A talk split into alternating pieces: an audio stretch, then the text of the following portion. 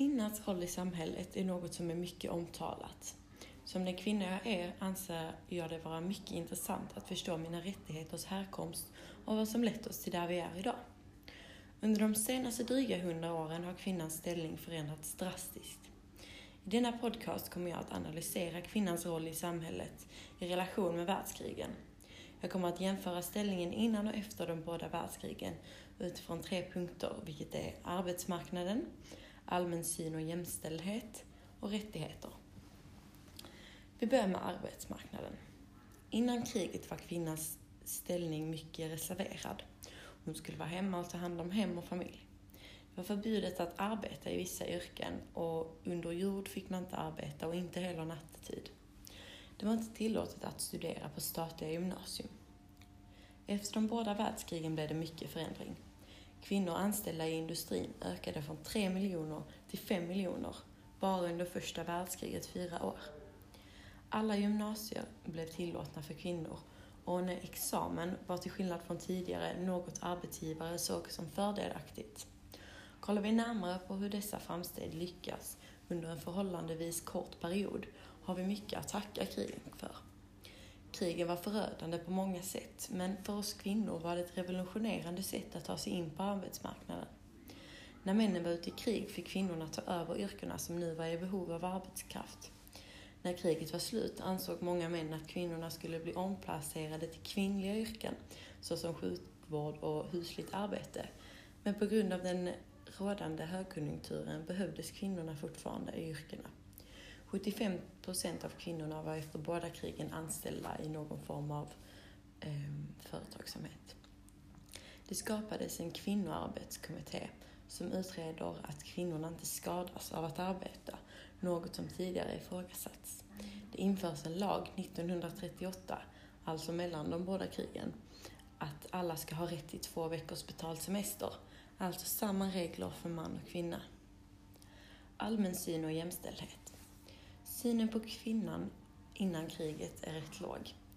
Man såg kvinnorna som det underlägsna könet och ville inte att de skulle utföra för hårt arbete. Inte heller skulle de få sitta i bestämmande positioner eller bestämma över sig själva, för det var de inte förmögna att göra. Denna syn på kvinnan finns fortfarande på många ställen runt om i världen kvar, men en stor förbättring har gjorts. Man ser kvinnan numera som en egen individ och inte längre en ägodel till hennes man. Under kriget insåg man hur mycket kvinnorna faktiskt var kapabla till när männen var i krig, vilket ökade deras status. Rättigheter. Ställningen i krigen efter krigen var att kvinnorna fick en nytändning på sina rättigheter.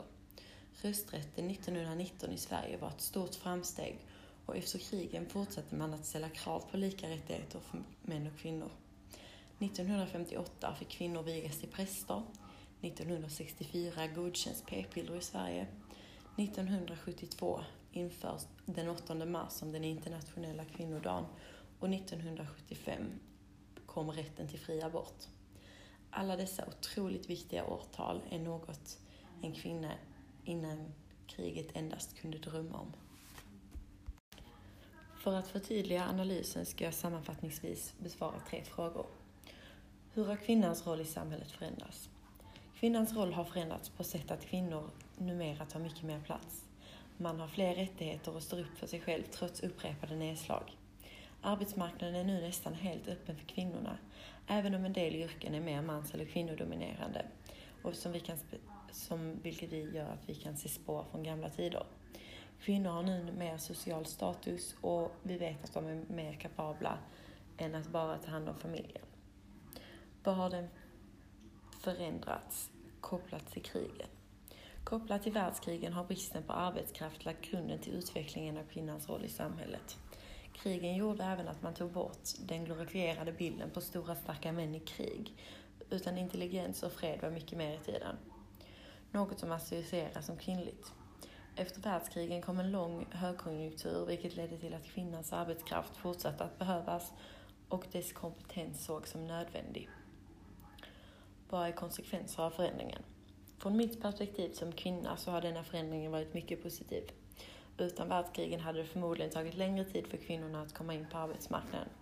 Kvinnor vet, vet vi idag kan göra otroliga saker och utan många kvinnliga uppfinnare och vetenskapskvinnor hade utvecklingen legat betydligt längre bak.